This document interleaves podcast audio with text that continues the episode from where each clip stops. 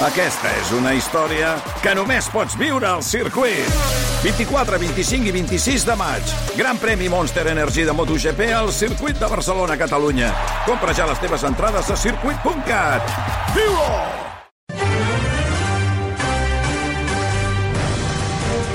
Són les 6 de la tarda, 5 minuts. L'economista Ramon Tamames, de 89 anys, seria el candidat a la moció de censura que Vox vol presentar contra Pedro Sánchez. I dic seria perquè ell no ha sortit públicament a confirmar-ho i fons del partit d'ultradreta asseguren que queden, res, serveis per tancar. Recordem que aquest senyor era comunista. Tot i que diversos mitjans apuntaven que es faria oficial durant aquest matí. De moment, a l'hora que és, 6 i 5 minuts, no hi ha confirmació al respecte. Bé, d'aquesta i altres qüestions en parlarem amb el periodista i escriptor Ernesto de Kaiser, eh, que ja ens acompanya. Eh, Ernesto, molt bona tarda. Bona tarda, Toni. Tal com va dir la setmana passada, ja estem en precampanya. Precampaña 2023, amb Ernesto de Kaiser. Està d'acord o no? Completamente de acuerdo. Y ya lo de Tamames ya es eh, una precampaña prehistórica.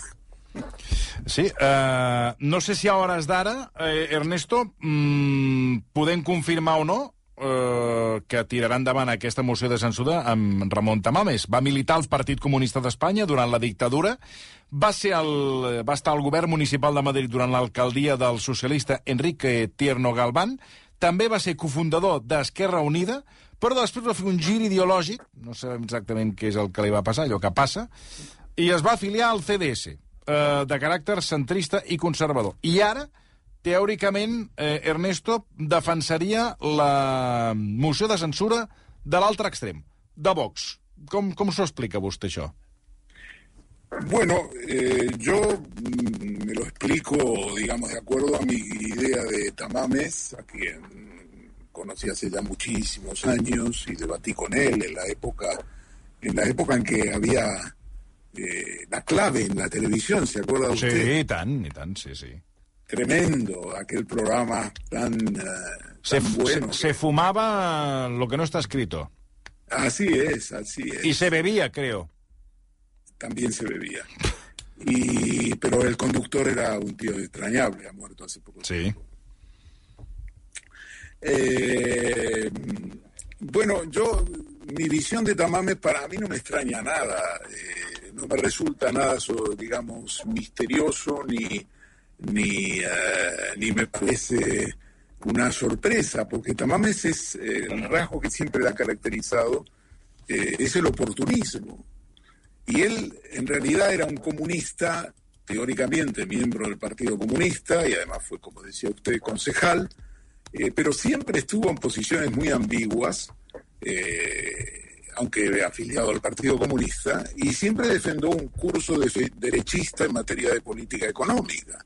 Prácticamente eh, se podría decir que Tamames es un neoliberal, y en los últimos años de su vida, en estos últimos años, pues siempre ha defendido políticas eh, de carácter eh, eh, de estabilización, de defensa de los recortes, y, un hombre que realmente nada tenía que ver con la clase trabajadora. En una época, yo me acuerdo cuando escribí el libro de Rumasa, mi primer libro eh, sobre la Fer Rumasa, eh, Tamames eh, vivía cerca donde yo vivía en aquella época, en el barrio eh, que se llama aquí de Hispanoamérica.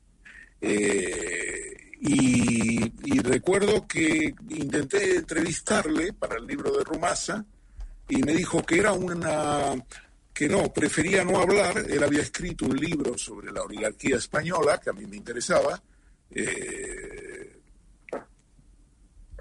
E incurría en bastantes contradicciones eh, objetivas en ese libro, eh, no de conceptos, sino de datos. Y entonces eh, intenté entrevistarle y me dijo que no, que era el tema de Ruiz Mateos era un tema realmente muy controvertido, que la apropiación de Rumasa había sido una operación muy rara y que él no quería hablar. Eh, ya me llamó la atención desde entonces. Y, y de aquí para de entonces para aquí, pues he visto realmente a Tamames involucrado en una evolución hacia la derecha colosal. Ahora, esto de Vox es eh, realmente inexplicable, porque es inexplicable porque no tiene ni pie ni cabeza, es una invención, una locura. están tratando de, digamos, intentando hacer aquí una operación similar a la que ocurre en Francia, donde el Front Nacional eh, el viejo Front Nacional, ahora ya se llama de otra manera, de Marine Le Pen, y eh, pues capta una parte muy importante del electorado comunista. Mm. Pero Tamames aquí no representa ningún electorado comunista. Tamames representa un hombre ya mayor, eh, muy mayor, digamos, para la política española, que ha evolucionado desde posiciones en el Partido Comunista hacia posiciones eh, en el terreno económico y social eh, derechistas. Eh, Tamames hizo una carrera como profesor muy brillante, sus libros sobre economía se vendieron muchísimo, él mismo los promocionaba y, y, le fue muy bien en la universidad. Me parece que esta incursión en la política va a terminar en un crash, en un crash. Eh, farem una pausa, Ernesto, perquè el sentim amb una certa dificultat, a veure si podem millorar el so. Per tant, eh, res, en dos minuts intentem restablir la comunicació amb més qualitat. Dos minuts i tornem. Doncs eh, ja hem recuperat la comunicació amb Ernesto Icaezer, esperem que amb més qualitat que l'anterior, per tant demanem disculpes als oients. Uh, Ernesto, hem, ha, ha fet un dibuix de qui és uh, Ramon Tamames. La pregunta és, um, aquesta significació de Vox de fer una, una moció de censura, sabent que no, en fi, que no la guanyarà, que no tirarà endavant... És un crash. Quiero decir que Eh, se van a estrellar y lo que quieren es mucho ruido, eh, quieren eh, competir con Feijó y quieren de alguna manera pues sacar partido de esto y veremos a ver si la presentan, pero si la presentan será un crash y además con Tamames en una será una bufonada. Mm. Um, només començar, que ja ho va dir vostè, és any electoral, eh, per tant estem en precampanya 2023, i en aquesta precampanya Pedro Sánchez sembla disposat a treure petroli de la demanda de Núñez Feijó perquè deixi de molestar a la gente bien, a la gente de bien, que ha quedat claríssim aquest matí al Congrés, on el president espanyol i tots els ministres que han intervingut han fet servir aquesta carta. Escoltem. Será porque ustedes consideran que esa gente sí es de bien. Qué poquita gente de bien hay en su país y cuán poderosa es. De verdad, me gustaría, me gustaría que usted eso lo explicara. Debe ser que a la gente de bien, debe ser que a la gente de bien. Se ve que están ustedes muy concentrados en la defensa de los intereses de la gente de bien. ¿Son gente de bien o no lo son? Porque no sabemos quién le parecerá gente de bien al señor Feijó. Igual le parece el señor Bárcenas. Ernesto, eh, vostè qui creu que referia eh, Feijó quan ahir parlava de gente de bien? Bueno, Feijó es eh, realmente eh, es una persona muy difícil de descifrar, eh, porque su manera de pensar es una manera que no, en fin, no, no, entendemos, yo no digo desde Madrid, tampoco digo desde La Coruña, ni desde, ni desde Santiago de Compostela, donde él gobernaba. Yo creo que él, Feijó es un accidente. Feijó es un accidente en el sentido que es un tipo que tiene suerte, que ganó tres mayorías absolutas en, eh, en Galicia, en una época eh, política difícil del Partido Socialista gallego, en una época difícil del nacionalismo gallego, eh, y es un tipo que sobre todo tenía muy buena prensa en Galicia, tenía muy bien regados a los periódicos a través de publicidad y de favores, y eso es eh, Feijó, no es en fin, no es nada, nada especial para mí. Y en Madrid, pues eso se ha visto muy rápido porque Feijó llegó e inmediatamente parecía que iba a, conquistar la Moncloa al día siguiente, después de la, del encontronazo entre eh, Pablo Casado, por cierto, que ahora parece que está mejor con Feijó, o por lo menos aflora públicamente su relación con Feijó a través de una comida. Ah, quan, eh, sigut aquest dinar? Eh, pues ha sido en el día de hoy ¿Ah? y ya se ha difundido inmediatamente. Y entonces, eh, eh, este Feijó, bueno, pues yo creo que se va conociendo un poco la falta de sustancia, el hecho de que tres presidencias en la comunidad autónoma gallega no le ha enseñado nada en especial, y a mí me parece que, digamos, si, si Feijó es un digamos, tiene un vuelo gallinacio, eh, al lado suyo, al lado suyo, Rajoy era un águila. Rajoy era un águila. Eh, Rajoy tenía una experiencia política en Madrid, tenía una experiencia política parlamentaria, eh, y claro, y explotaba eso del, eh, del, eh, del gallego, es decir, el, el, tío que no se sabe si baja o sube, uh -huh. eh, el tío que no, que, que, que, convoca a sus ministros y le pide a uno de ellos eh, que tiene que matar a, a, a digamos, él, tiene por eso un objetivo político, pero en lugar de decírselo así, le señala que el viento sopla en la dirección oeste, y entonces el tipo tiene que interpretar si lo que quiere es que mate a este o que no le mate. Eh, ese es Rajoy. Pero este ya Feijó es la caricatura de Rajoy. Y yo veo que realmente la derecha no está conforme. Desde luego la derecha, como me decía eh, una persona muy próxima al presidente del gobierno, y se lo comenté hace unos días, eh, la derecha está unificada en un, en un eh, digamos, en un eslogan, en un elemento programático fundamental, y es que hay que asesinar a Pedro Sánchez, liquidarlo, terminar con él, ¿eh? Eh, que desaloje la Moncloa. Y esto es lo que unifica a masas enteras de eh, gente del público que vota al PP y vota al PSOE, al, al PP, al, al, Vox, y que de alguna manera pues se expresará en las próximas elecciones autonómicas primero, municipales y luego en las generales. Ahora, este es un programa, asesinar a Pedro Sánchez, porque consideran que Pedro Sánchez destruye España desde la mañana, desde el momento que se levanta la mañana hasta que se acuesta la noche. ¿Este es un programa que puede prosperar? Bueno, no lo sé. Eh, en su día en Estados Unidos, eh, un programa parecido eh, y probablemente una mala candidata como fue Hillary Clinton, terminó con el triunfo de Trump. sí, sí, por me parece que a mí me parece que este riesgo existe, sobre todo teniendo en cuenta que en España lo que tenemos no son unas elecciones presidenciales, sino que son elecciones eh, legislativas y por lo tanto eh, tienen mucha importancia las coaliciones y la capacidad de partidos como Unidos Podemos eh, por la izquierda y de Vox por la derecha de captar una parte del electorado y, y ver un poco luego cómo se va a formar el futuro gobierno. De modo que eh, este programa de asesinar a Pedro Sánchez, de que Pedro Sánchez es un destructor de España, eh, eso va bien para cierto público, para concentrar movilizaciones, pero bueno, después tenemos en la, en la vida cotidiana concreta movilizaciones tan importantes como la que ha habido en Madrid hace muy pocos días por la defensa de la sanidad pública contra Isabel Díaz Ayuso. Mm. Yo creo que Isabel Díaz Ayuso está perdiendo mucho fuelle, creo que no van a ser unas elecciones como las de hace, eh, van a ser dos años, eh, las elecciones eh, autonómicas en Madrid, entre otras cosas porque no venimos de una pandemia, ya la pandemia está superada, toda la milonga esa de las cañas y todo eso es un cuento chino, eso es una, parece un chiste, y luego no tenemos tampoco la campaña de polarización que hizo Pablo Iglesias, eh, renunciando a la vicepresidencia y tratando de hacer, digamos, un, un frente popular, o digamos, una polarización política tal que fue muy rechazado en Madrid. Eso fue,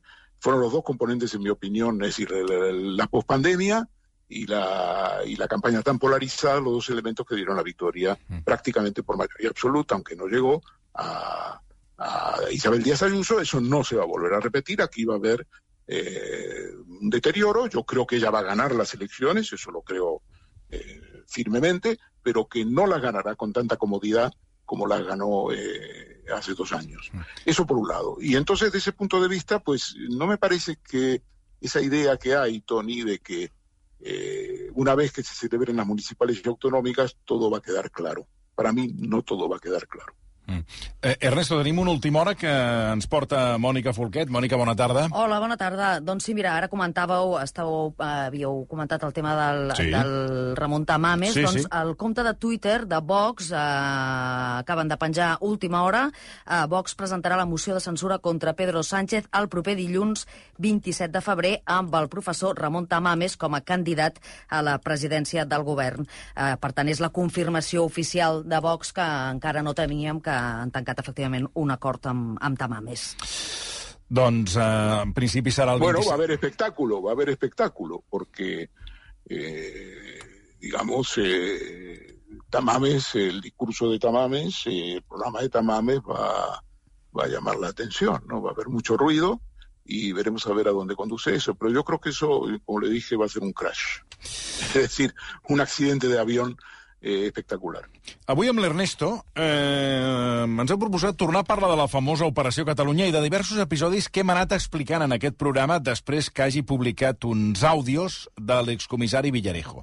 Qui ens posarà en situació és la Mònica Folquet. A veure, eh, perquè n'hem parlat, en, evidentment, amb l'Ernesto en diferents ocasions. Sí, doncs mira, l'Ernesto de Kaiser va compareixer en la Comissió d'Investigació de l'Operació Catalunya al Parlament el 31 de maig del 2017 i assenyalava, eh, entre moltes altres coses, la vinculació actuació de l'excap de la Unitat d'Afers Interns de la Policia, Marcelino Martín Blas, en tota la trama. El hombre clave aquí es Marcelino Martín Blas, un hombre de vocación del PP, ho explicava eh, Kaiser amb una pissarra on feia tot un dibuix, diguéssim, de tot l'organigrama eh, policial eh, i de tot aquest entramat. El propi Martín Blas va compareixer temps després en la mateixa comissió al Parlament i va acusar eh, el periodista i escriptor d'haver faltat a la veritat. I l'altre protagonista va ser vostè, senyor Kaiser, i és que Martín Blas es va referir al que vostè havia dit en aquesta comissió d'investigació fa només unes setmanes. Una de les referències que se han hecho sobre mi supuesta participación en la conocida como Operación Cataluña ha tenido lugar en este Parlamento por el periodista Ernesto Ekaizer, el cual afirma mi relación con esta operación desde antes de que el Partido Popular ganara las elecciones generales en el año 2011. Recuerdo lo que dijo aquí el periodista Ernesto Ekaizer. Explicó en una pantalla que antes de ganar las elecciones el Partido Popular, el señor Cosidó y yo habíamos diseñado la operación Cataluña como si fuéramos McCarthy y compañía.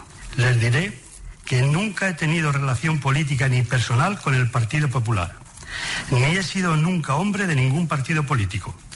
Tampoco conocía al señor Cosidó antes de febrero del año 2012 y añadir que como mi puesto de trabajo no dependía directamente, orgánicamente, del director general, no despachaba con él por tanto, las afirmaciones del señor Ecaice son una manifiesta falacia intencionada.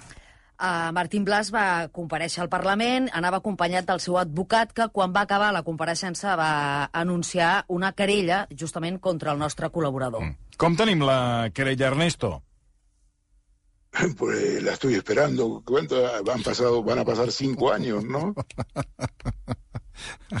Han passat cinc anys ja esperant la querella famosa cinco años esperando la querella famosa. Eh, yo hablé inmediatamente después, que usted me lo dijo, porque yo me enteré por el programa Zoom. Usted me lo dijo. Sí, le, le, le, van a poner una querella.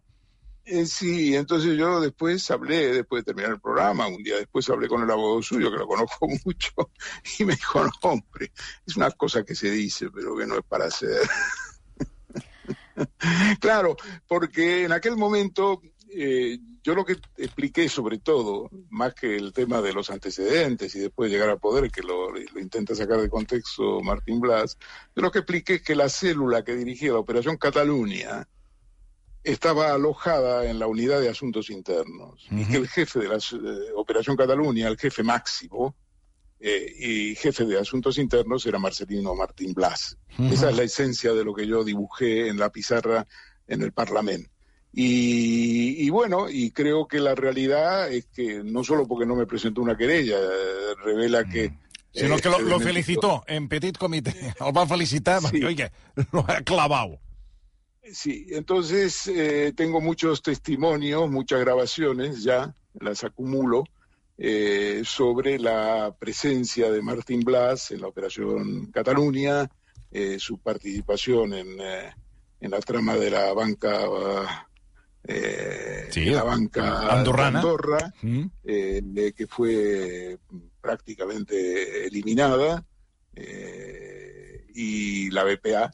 Y, y bueno, pues y, digamos, el hecho de que no presenta la querella revela que hasta qué punto pues era una amenaza tonta para, digamos, crear temor en los medios de comunicación eh, luego él mismo admitió en esa comparecencia que el famoso borrador que yo denuncié, sobre todo yo denuncié como un borrador tramposo, mentiroso, que no era, no era de la UDEF, sino que era una invención, eh, ese famoso borrador que se difundió antes de las elecciones autonómicas catalanas, él dijo, bueno, que sí, que hombre, se le había puesto un poco de sal y pimienta ese borrador.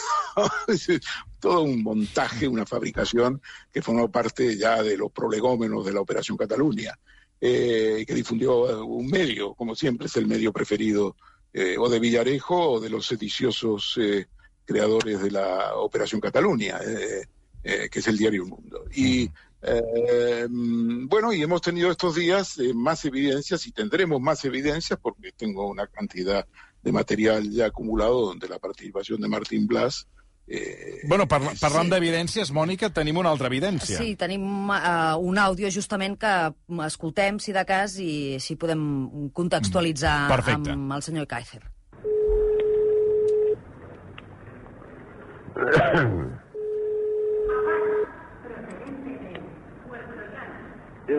Buenos días, ilustre. ¿Qué tal? Aquí estoy yo ya a pie de obra.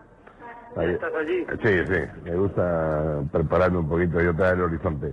Oye, ¿qué te iba a decir? Ahora, ¿qué dices de Horizonte? ¿Qué te parece si lanzabas por ahí alguna llamada diciendo que la van a llevar en una furgoneta, en la UIP o algo de eso? Eh. Para que los periodistas se Eh, voy a intentarlo, sí.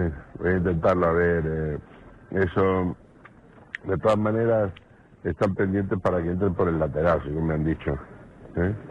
Esto, bueno, ¿Cómo, cómo que están que pendientes? están pendientes para que, pensando que va a entrar por el lateral, por la puerta del lateral, la puerta de Génova, ¿sabes? Sí. Esto, ¿qué te voy a decir? Casi mejor que las chicas estas estén fuera en la cafetería, porque si entra, no quiero que tenga la tentación de si me tomo un café o algo así, porque vamos de tiempo muy apurado. Como más o menos, el tiene prevista la llegada a las 9 y 25, o sea que a las 10 menos 20, con un poquito de suerte, Si da tiempo, si a las, a las 10 menos 20 como muy tarde tú estás en la cafetería. eso es, eso es. Se toman, un, se toman un café allí, se van andando Sí. a las tres, fumándose un cigarro, tranquilas, hablando de trapitos, pim pam, pim pam. Vale, vale, pues, Que estén al loro, que vienen en la UIT, viene súper protegida y no sé qué. que- vale, pues, de acuerdo. Eh, las chicas estas me conocen a mí, ¿no? Cuando me vean, ¿no? Ernesto, eh, escoltem l'excomissari Villarejo, però quins són els altres protagonistes i exactament La xica. a, a, a, con, on contextualitzem a, a aquest, aquesta gravació? Bueno, estamos el 17 de enero eh, de 2013, 17 de enero de 2013, estamos en Atocha, estamos esperando el AVE.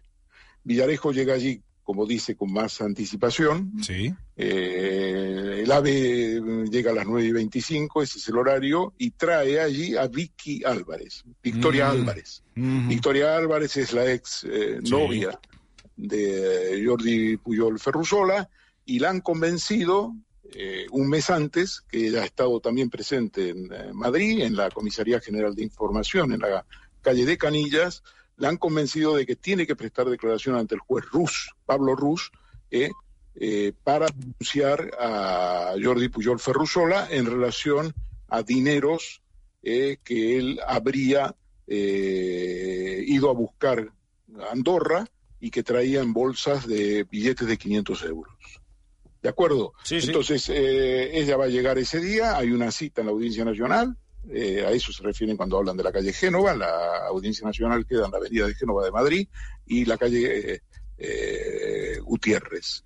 Eh, van a entrarla por la calle de Génova, es decir, por la avenida, el, fu- el furgón y, o el coche, y entonces Villarejo está para supervisar toda la operación. ¿Quién es el jefe de la operación con el cual él habla?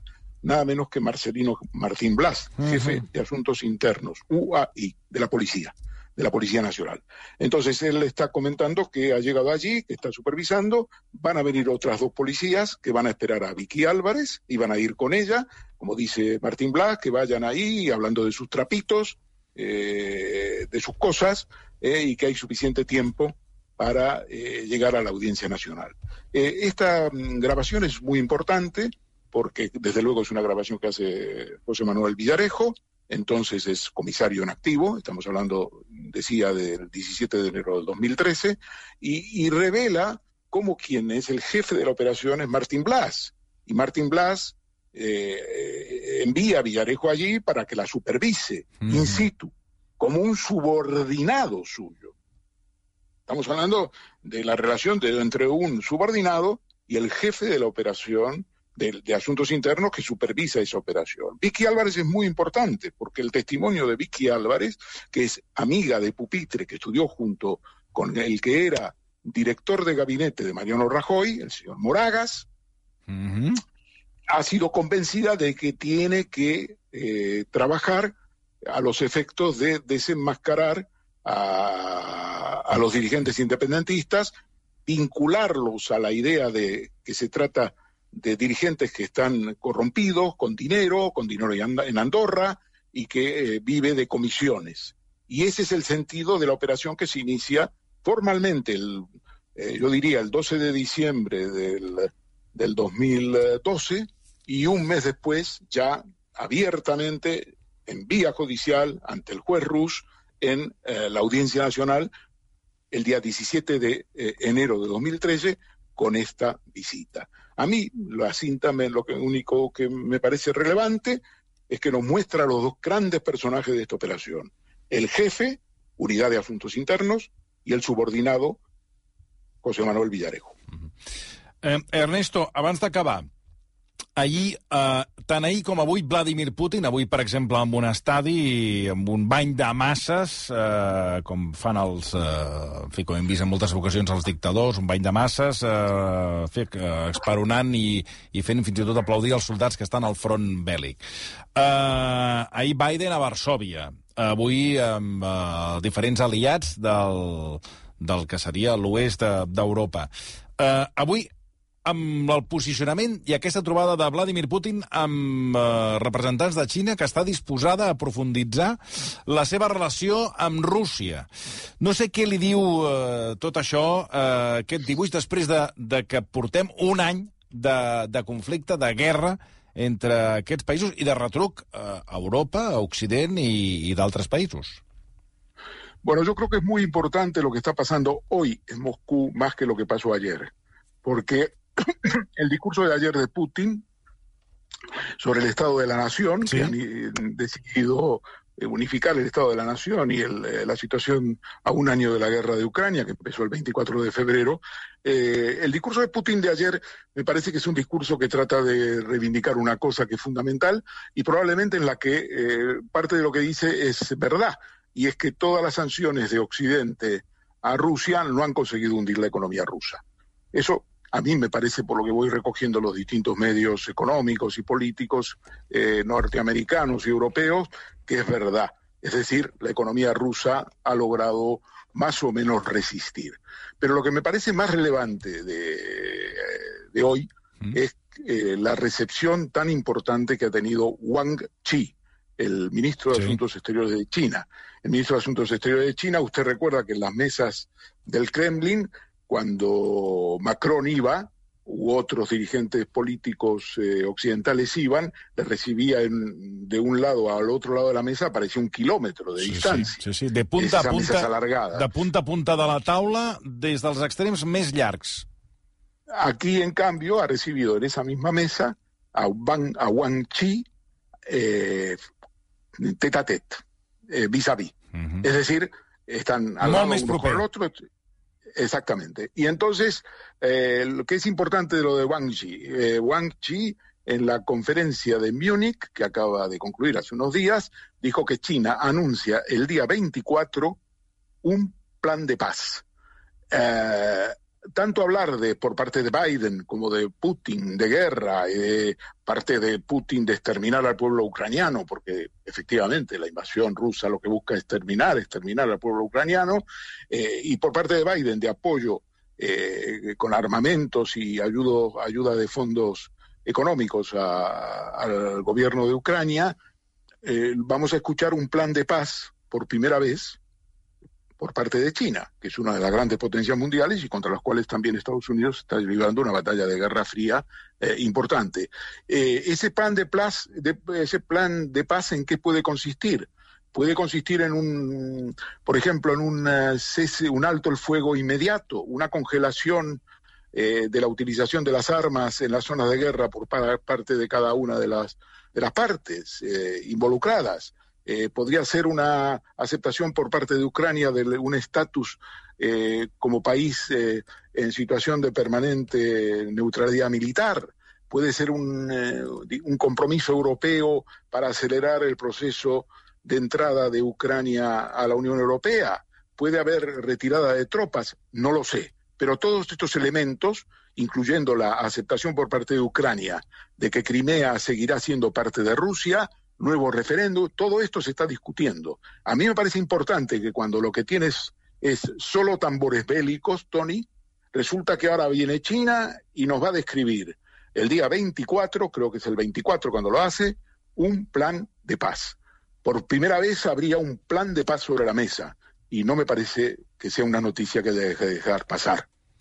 Doncs ens quedem amb aquest subratllat que ha fet d'aquesta trobada amb el mandatari xinès, amb Wang, eh, i tant de bo, a partir del 24 comencem a veure el final, la llum al final d'aquest túnel que de moment molts analistes veuen fosc eh, pel que fa al futur d'aquesta guerra entre Ucraïna i Rússia. Ernesto, moltíssimes, moltíssimes gràcies.